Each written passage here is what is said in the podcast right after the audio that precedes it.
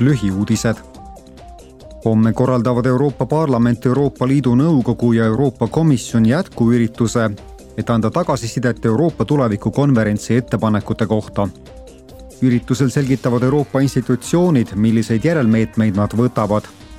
toimub ka arvamuste vahetus kodanikega konverentsi nelikümmend üheksa ettepanekut hõlmavad üheksat teemat ja sisaldavad üle kolmesaja meetme eesmärkide saavutamiseks ettepanekud põhinevad Euroopa tulevikukonverentsi kodanike paneelarutelude soovitustel ja konverentsi mitmekeelsel digiplatvormil esitatud ideedel. institutsioonid on alustanud juba ettepanekute rakendamist. sel nädalal jõudsid parlamendi ja nõukogu läbirääkijad esialgsele kokkuleppele toiduks mittekasutatavate tarbekaupade ohutusnõuete ajakohastamises uute nõuetega kehtestatakse tõhusamad reeglid toodete tagasikutsumiseks ja ohtlike kaupade veebist eemaldamiseks. kokkuleppes tuleb arvesse võtta riske kõige haavatavamatele tarbijatele, näiteks lastele.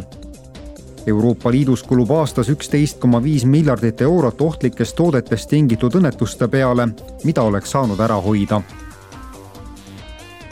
täna on ülemaailmne AIDSi vastu võitlemise päev ja selle aasta teema on lõpp ebavõrdsusele HIV on endiselt suur rahvatervise probleem ning mõjutab miljoneid inimesi kogu maailmas.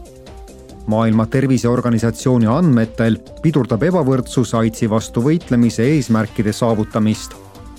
samuti on ressursid viimastel aastatel vähenenud. selle tulemusena on ohus palju rohkemate inimeste elu.